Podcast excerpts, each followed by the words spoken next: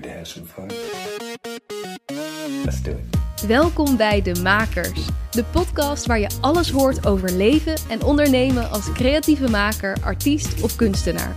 In deze shortcasts geef ik je elke werkdag een korte boost voor jouw makerschap. Sit down and begin playing. Shortcast 12. Feedback ontvangen. Zo voorkom je dat een kritische opmerking je verlamt. Feedback. Ontzettend waardevol en onmisbaar om verder te komen. Tegelijkertijd kan feedback ook ontzettend zinloos zijn en belangrijk om vooral weer gelijk van je af te schudden. Maar voordat je het gehoord hebt, weet je niet welke van de twee het gaat zijn. Het is dus heel belangrijk om goed na te denken over wanneer je wel of niet feedback wilt ontvangen en vooral ook van wie wel of niet. Feedback krijgen op je werk kan nou eenmaal dood en doodeng zijn.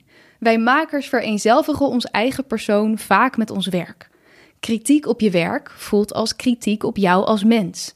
Zeker als je iets maakt dat dicht bij jezelf staat, of iets waar je uren of misschien zelfs wel jaren mee bezig bent geweest, dan is het gewoon ontzettend lastig om dat los te koppelen van jezelf. Als ik soms terugdenk aan mijn tijd op het conservatorium, voelt het wel eens alsof ik vier jaar lang naakt op een stip ben gaan staan met mijn armen wijd, vragend: dump al je kritiek op mij.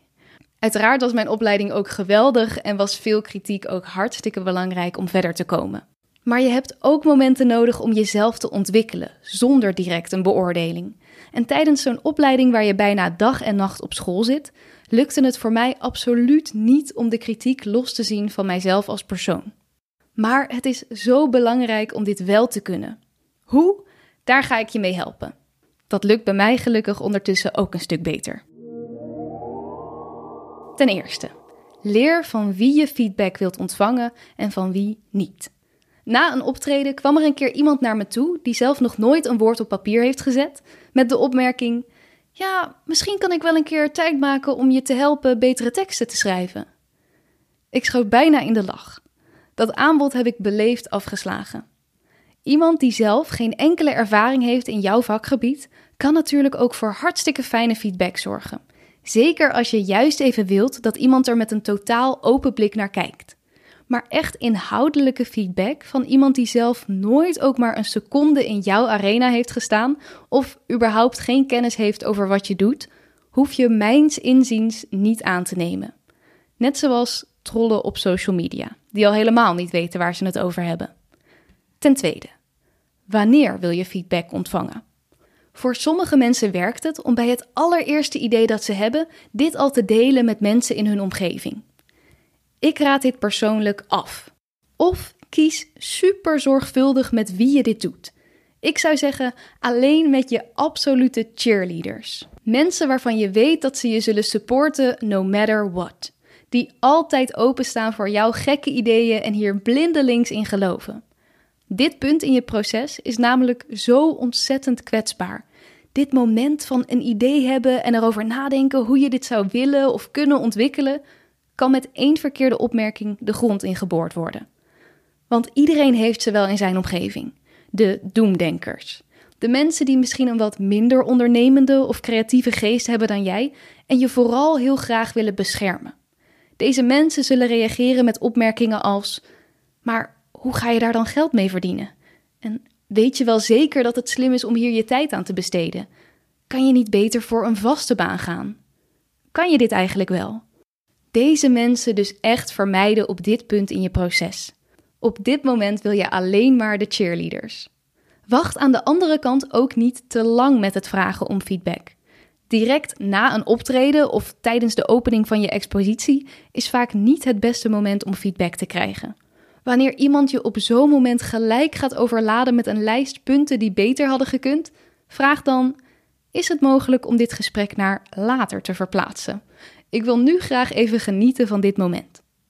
Sowieso is het moment van tonen dus wat laat voor feedback. Begin daar eerder mee in je proces. Alles altijd in je eentje op je zolderkamertje ontwikkelen kan. Maar je ontzegt jezelf daarmee ook een aantal stappen die het misschien nog veel beter hadden kunnen maken. En vaak is de reden dat je geen feedback vraagt de angst voor negatieve feedback.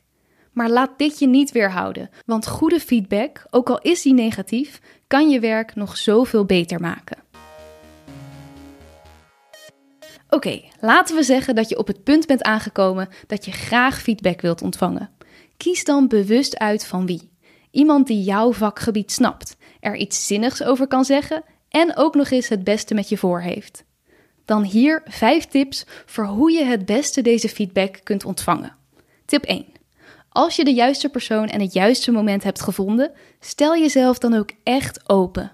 Feedback op je werk is nogmaals geen beoordeling van jou als mens. Jij bent niet je werk. Je werk is work in progress. Plaats het buiten jezelf en probeer er samen objectief naar te kijken, hoe moeilijk dat ook is. Als je een goed persoon hebt uitgekozen om je feedback te geven, zal deze jou ook alleen maar verder willen helpen. Tip 2. Als je feedback krijgt, luister dan echt. Ga niet direct in de verdediging door allerlei redenen te bedenken waarom jij juist wel een bepaalde keuze had gemaakt. Dit is moeilijker gezegd dan gedaan, maar luister echt naar hoe jouw werk op deze persoon overkomt. Anders wals je er misschien overheen. Tip 3.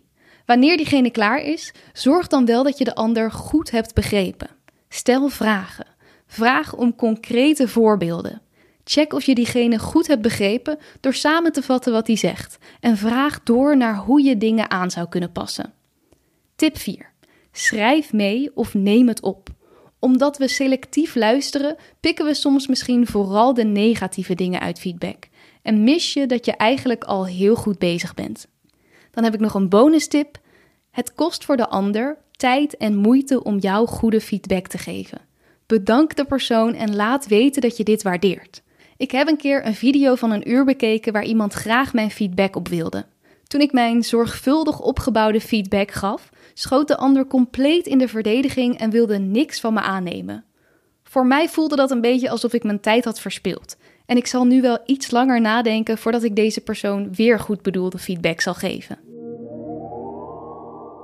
Tot slot, als je alle stappen hierboven hebt doorlopen, ga dan bij jezelf te raden of je het eens bent met de feedback die je hebt gekregen. Je hoeft uiteindelijk niet alle feedback ter harte te nemen. Smaken verschillen. Als jij door een museum loopt, vind je waarschijnlijk ook het ene prachtig en het andere meh. Dus blijf trouw aan jezelf. Als je je te veel door feedback van anderen gaat laten leiden, weet je uiteindelijk ook niet meer wat nou echt jouw eigen idee was. Dus blijf altijd inchecken bij jezelf. Klopt het voor jou?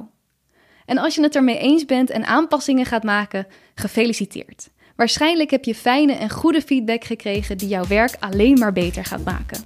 Hoe fijn is dat? Als opdracht wil ik je meegeven om eens bij jezelf te raden te gaan. Is er een werk of een project waar je nu mee bezig bent, waar je feedback van een ander zou kunnen vragen? Kies iemand uit en doe het. Heel veel maakplezier en tot de volgende. Vond je dit een interessante of leuke aflevering? Heb je er iets aan gehad? Volg of abonneer je dan op de makers in de podcast-apps.